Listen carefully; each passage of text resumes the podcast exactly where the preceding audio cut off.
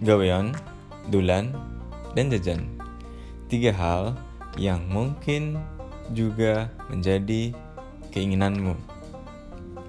Dan jadi impian banyak orang juga sih. Tapi ya tidak semuanya karena tiap orang kan punya goalsnya masing-masing. Nah, saya yang punya kesempatan itu akan menceritakan kepada teman-teman tentang gawean, tentang jajanan-jajanan yang mungkin di pinggir jalan, dan tentu aktivitas dolan yang tidak direncanakan. Karena terkadang sesuatu yang tidak direncanakan itu selalu menakjubkan, tetapi merencanakan, merencanakan sesuatu itu akan jauh lebih menyenangkan.